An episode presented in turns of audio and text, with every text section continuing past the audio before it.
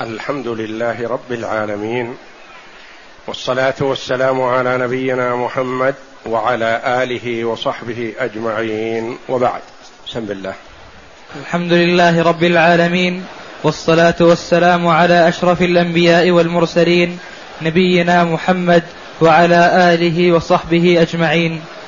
الحديث الأربعمائة.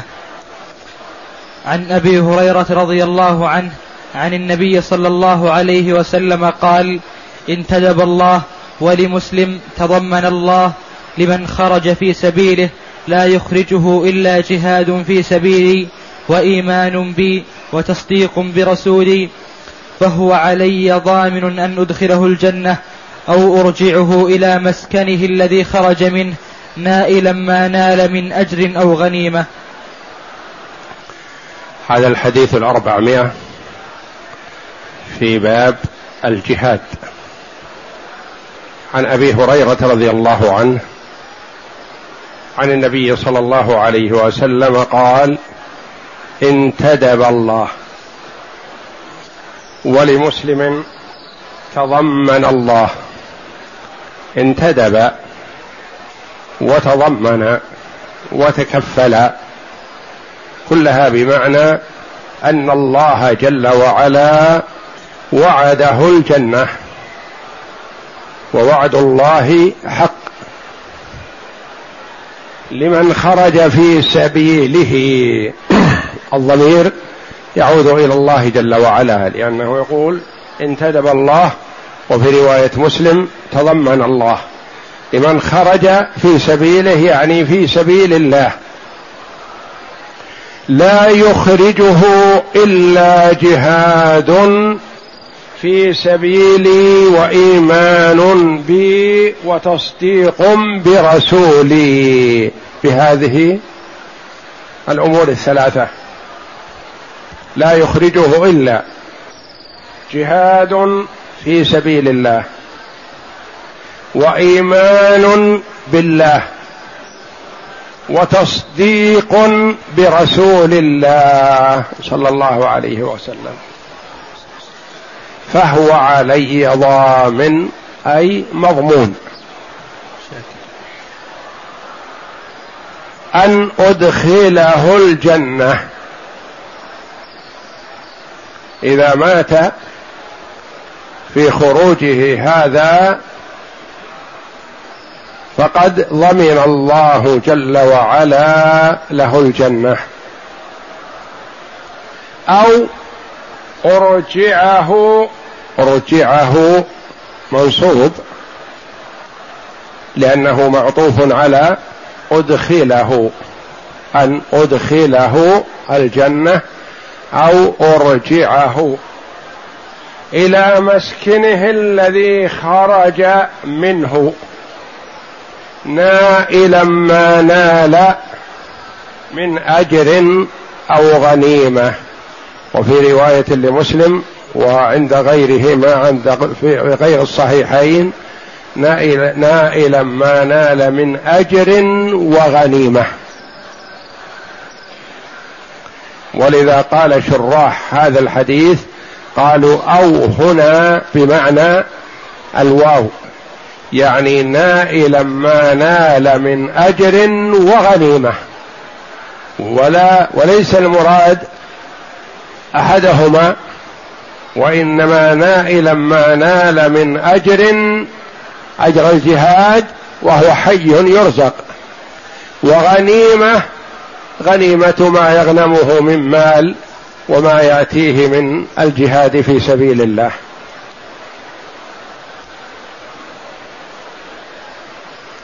فهذا الحديث فيه فضل الجهاد في سبيل الله. بهذه القيود المذكورة. لأن قتال الأعداء على أنواع عدة. يقاتل حمية على محارمه وأهل بيته. يقاتل شجاعة أنه شجاع ويحرص على القتال. يقاتل ريا من أجل أن يمدح. يقاتل لأجل الذكر. يقال فلان فعل وفعل. كل هذه لا تنفعه في الدار الآخرة شيء.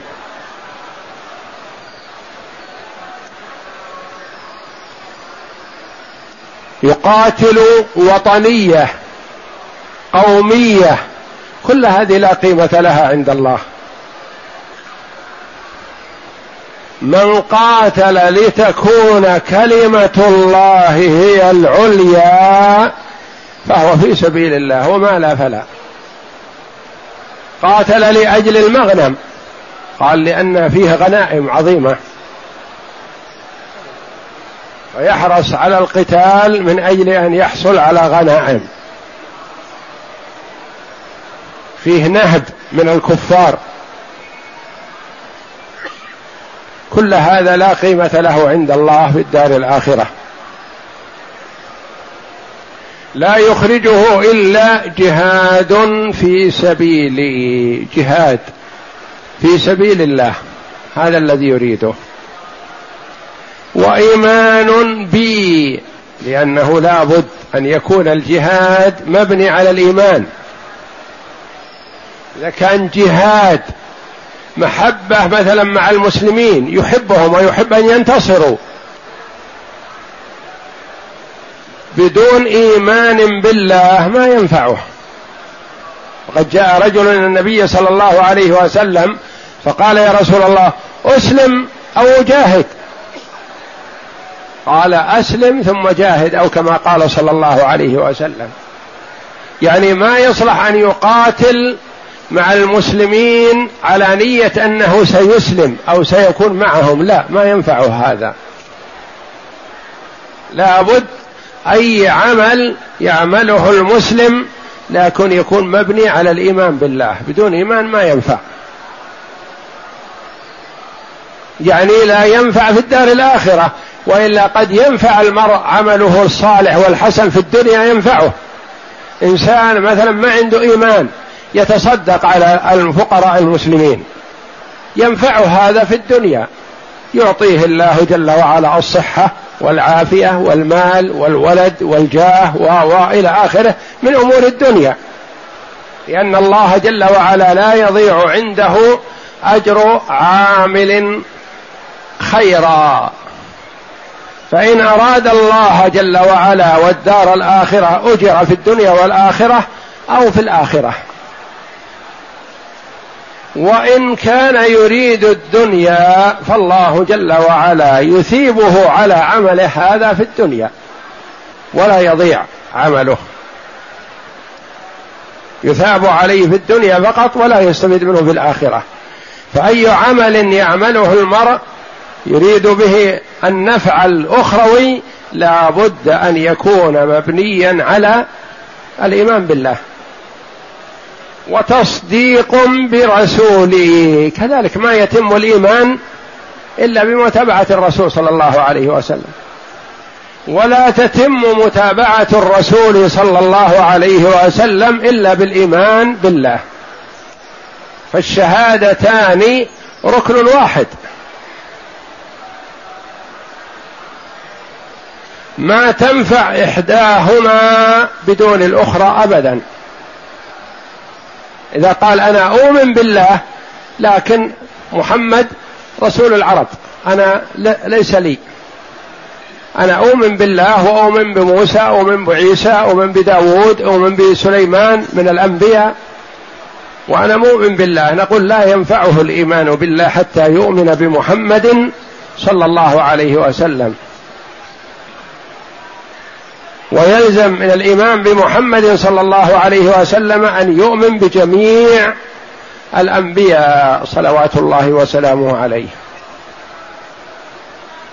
لا نفرق بين أحد من رسله. فهو علي ضامن. ضامن يعني علي مضمون. ضمنه الله. والله جل وعلا بجوده وكرمه ضمن لعبده هذا الثواب. وإلا فالله جل وعلا لا يجب عليه شيء. لو عذب جميع خلقه لعذبهم وهو غير ظالم لهم.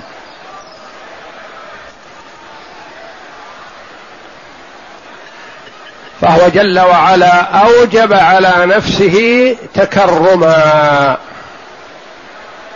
تكرما منه. كما في حديث معاذ أتدري ما حق الله على العباد وما حق العباد على الله؟ قال الله ورسوله أعلم. قال حق العباد على الله أن يعبدوه ولا يشركوا به شيئا. وحق العباد على الله الا يعذب من لا يشرك به شيئا. وهذا حق أوجبه الله جل وعلا على نفسه والتزم به تكرما منه وجودا. علي ضامن أن أدخله الجنة. يعني له الجنة. مات الشهيد إلى الجنة. لأن الشهداء تختلف حياتهم بعد الموت. الشهداء كما قال الله جل وعلا أحياء عند ربهم يرزقون. هذه خاصة للشهداء. أحياء عند ربهم يرزقون. والنبي صلى الله عليه وسلم تمنى الشهادة مرة بعد مرة بعد مرة. وددت أن أقتل في سبيل الله ثم أقتل ثم أقتل. للتنويه بعظم فضل الشهادة في سبيل الله. فهو علي ضامن أن أدخله الجنة أو أرجعه. إن مات فمآله إلى الجنة. وإن رجع إلى مسكنه الذي خرج منه رجع نائلا ما نال من الأجر أو الأجر والغنيمة. فقد لا ينال إلا الأجر لأنه ما يكون غنم شيء. وقد ينال الأجر والغنيمة.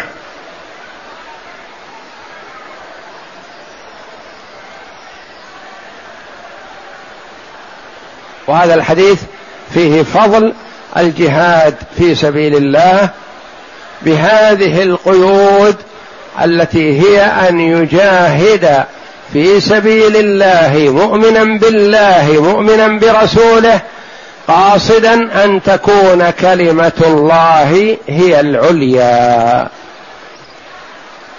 اقرأ. الغريب. إلا جهاد مرفوع هو وما بعده. وقد جاء منصوبا في صحيح مسلم على أنه مفعول لأجله أي لا يخرجه الخروج إلا للجهاد. لا يخرجه الخروج إلا لأجل الجهاد. يعني جاءت كلمة إلا إلا جهادا في سبيل في رواية مسلم وفي بعض السنن. منصوبة. كيف نصبها؟ يقول نصبها على أنها مفعول له مفعول لأجله. وأما كونه منصوبا لا, لا هذه وأما كونه انتبه. يظهر أنها تقديم وتأخير مطبعي والله أعلم. ما تستقيم كذا. هذه الثلاثة الأسطر دعها واقرأ رقم اثنين. ضامن بمعنى مضمون نحو عيشة راضية أي مرضية. يعني مثل في عيشة راضية. في عيشة راضية يعني العيشة راضية أو مرضية. في عيشة مرضية يعني يأتي اسم الفاعل والمراد به اسم المفعول مرضية. فهو يخرج من من ماء دافق يعني مدفوق. فيأتي اسم الفاعل بدل اسم المفعول. ضامن بمعنى مضمون يعني ضمن الله جل وعلا له الجنة. نعم. فهو فاعل بمعنى مفعول. يعني مضمون. نعم. أو أرجعه بفتح أو أرجعه أو بفتح العين. أرجعه منصوب على على أنه تابع لأن أدخله أو أرجعه. وهنا هذه ثلاثة الأسطر التي في الصفحة اليمنى تأتي تبع ثلاثة. اقرأ أو أو أرجعه بفتح الهمزة وكسر الجيم ونصب العين. أرجعه يعني نعم. لأن ماضيه ثلاثي بدليل رب ارجعون بوصل الهمزة. هنا بوصل الهمزة. ائت بالثلاثة الأسطر التي تركتها هناك.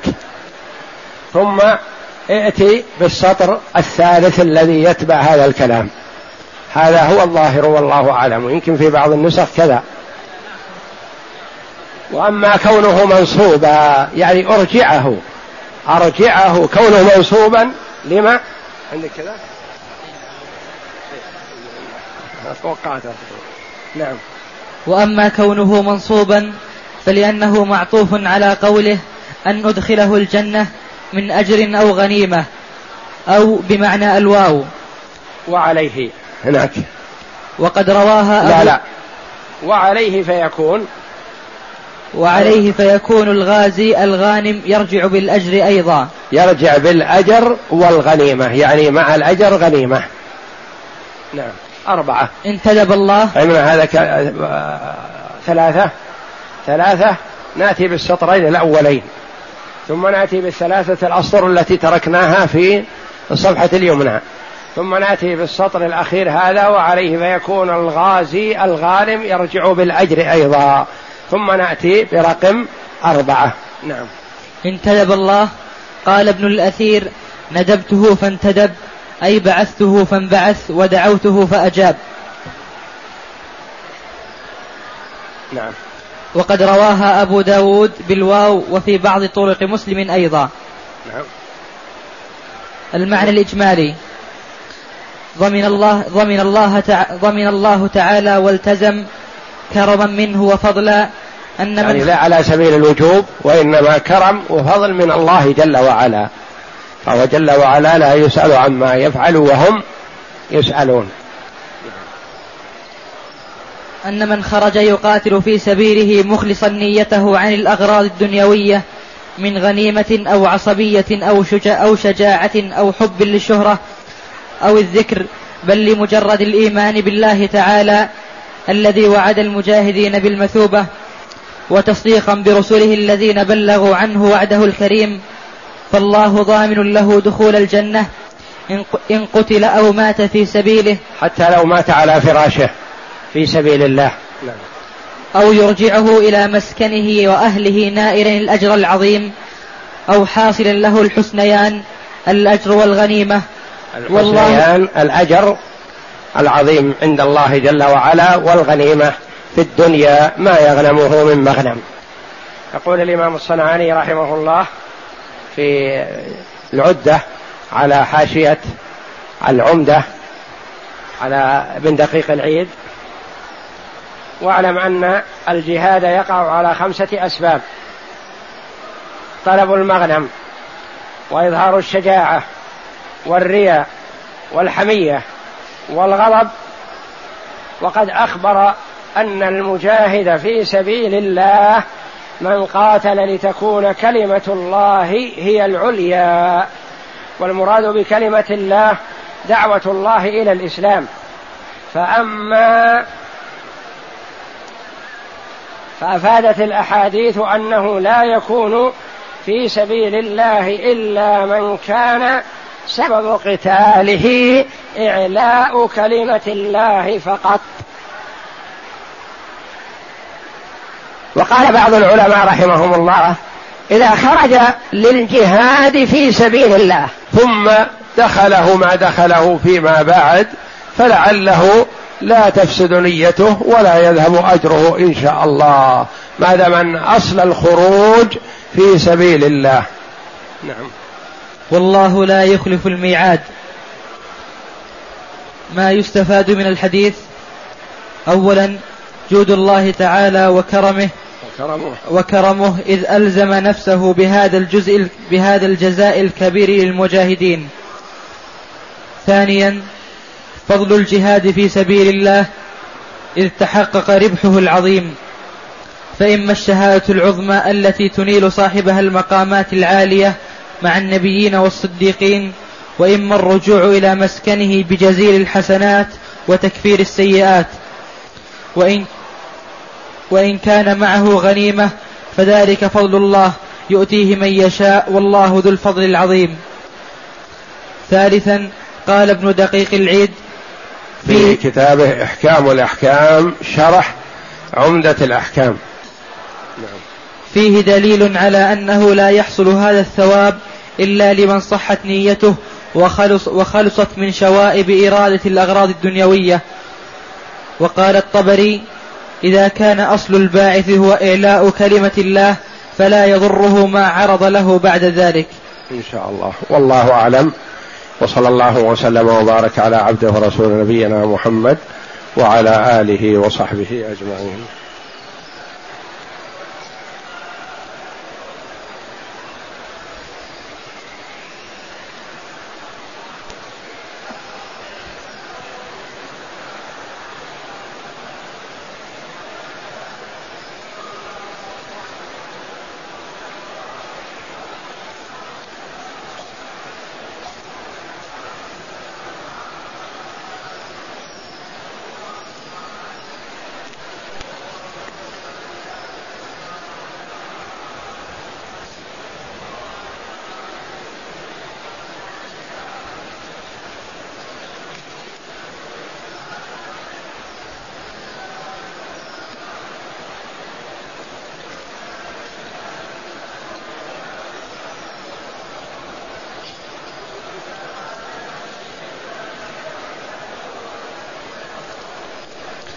يقول السائل كم عدة المرأة المرضعة المطلقة؟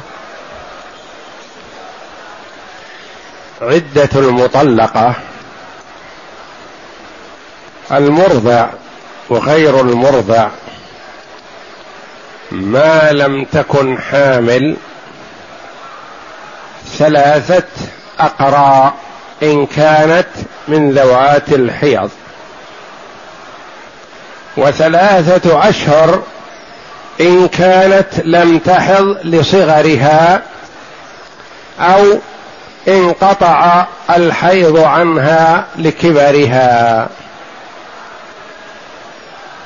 إذا فعدة المطلقة الحامل بوضع الحمل.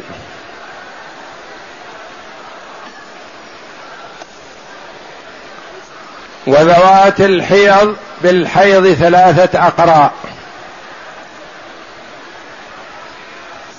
والصغيرة والكبيرة ثلاثة أشهر. وغير المدخول بها لا عدة عليها. إذا عقد عليها ولم يخل بها ولم يدخل بها ثم طلقها فلا عدة عليها لها أن تتزوج في نفس اليوم.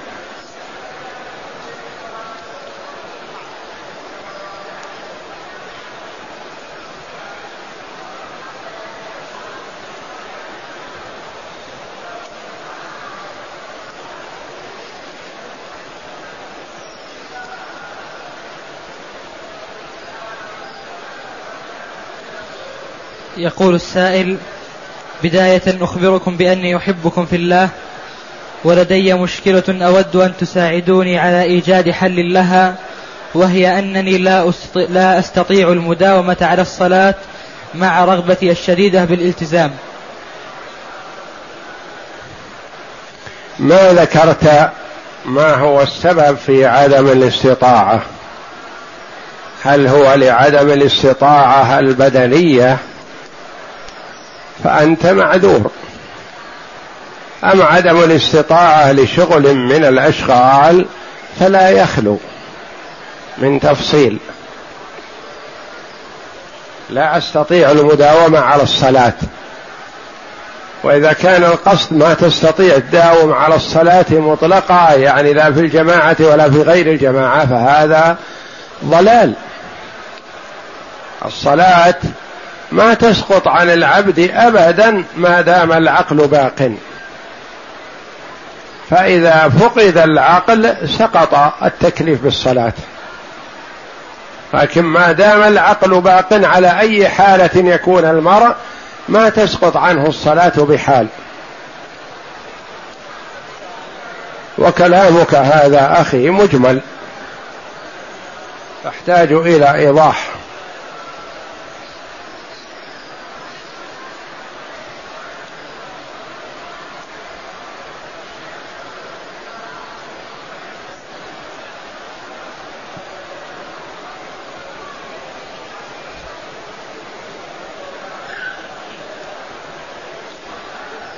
يقول السائل هل يجوز الوضوء بعد بعد لبس الخف؟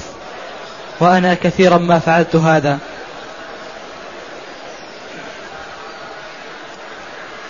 إذا لبست الخف على طهارة ثم حصل الحدث نعم فتوضأ وامسح على الخف.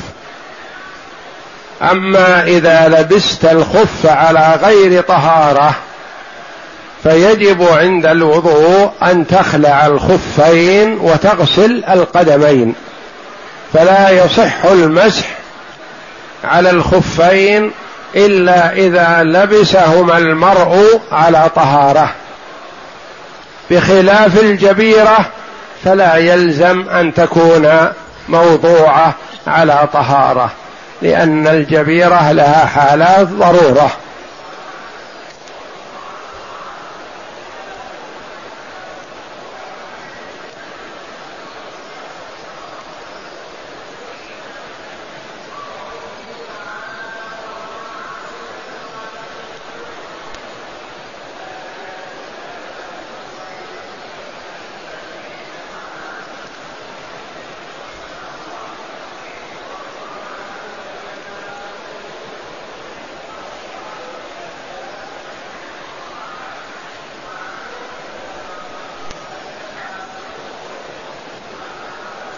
يقول السائل تزوجت منذ فترة قريبة وأشعر أنني لا أستطيع تحمل المسؤولية فقد تربيت على العز والدلال وكذلك زوجتي لا تستط... لا يستط... لا تستط...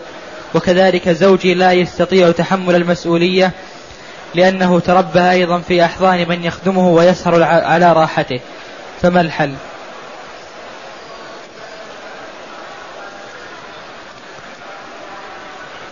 قول المرأة لا أستطيع تحمل المسؤولية فقد تربيت على العز والدلال. مهما تربت المرأة بالعز والدلال فهي لا غنى بها عن الزوج.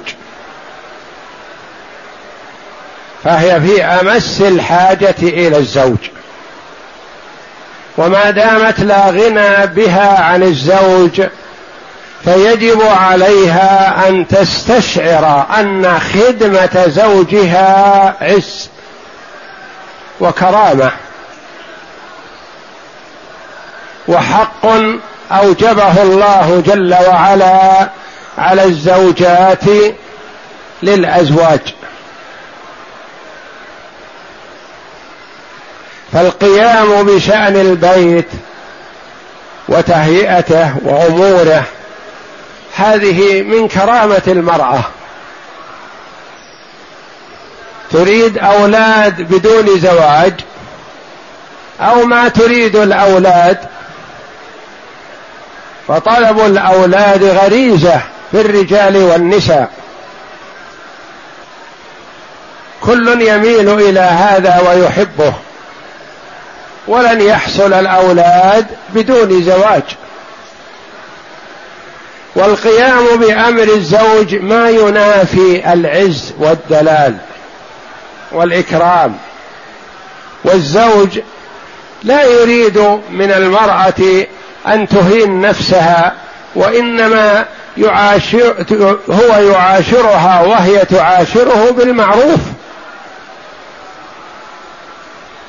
وأيا كنت أيها السائلة لست أفضل من أمك؟ وزوجك ليس أفضل من أبيك مثلا قد يجوز. وأنت ما وجدت إلا نتيجة زواج الوالد بالوالدة.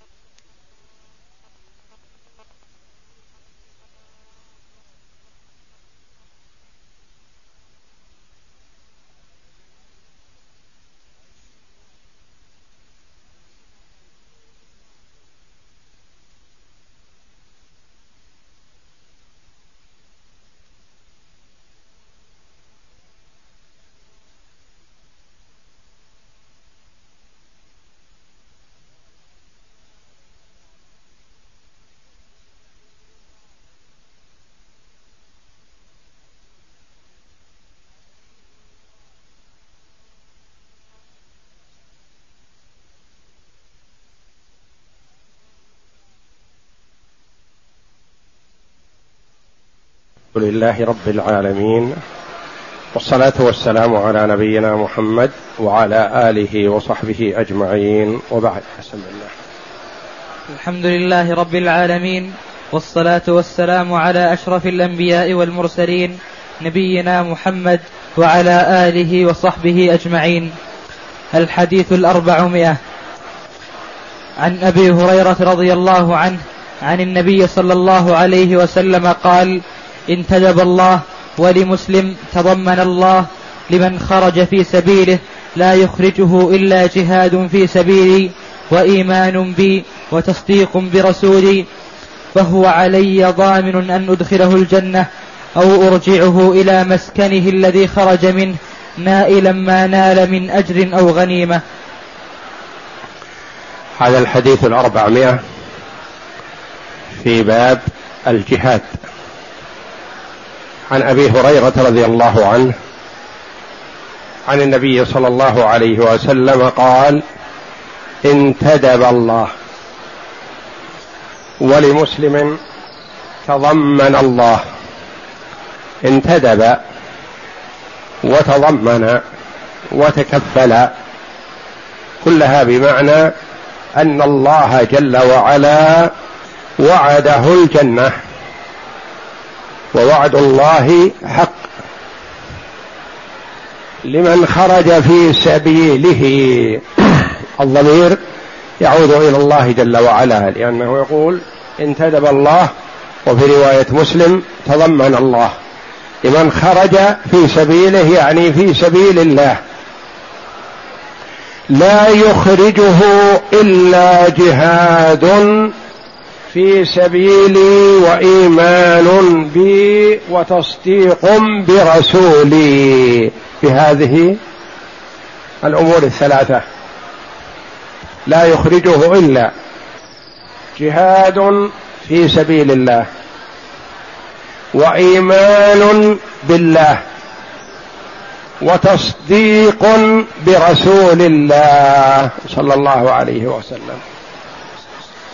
فهو علي ضامن أي مضمون. أن أدخله الجنة. إذا مات في خروجه هذا فقد ضمن الله جل وعلا له الجنة. أو أرجعه رجعه منصوب لأنه معطوف على أدخله أن أدخله الجنة أو أرجعه إلى مسكنه الذي خرج منه. نائلا ما نال من أجر أو غنيمة. وفي رواية لمسلم وعند غيره ما عند في غير الصحيحين نائلا ما نال من أجر وغنيمة. ولذا قال شراح هذا الحديث قالوا أو هنا بمعنى الواو يعني نائلا ما نال من أجر وغنيمة. ولا وليس المراد أحدهما وإنما نائلا ما نال من أجر أجر الجهاد وهو حي يرزق. وغنيمة غنيمة ما يغنمه من مال وما يأتيه من الجهاد في سبيل الله.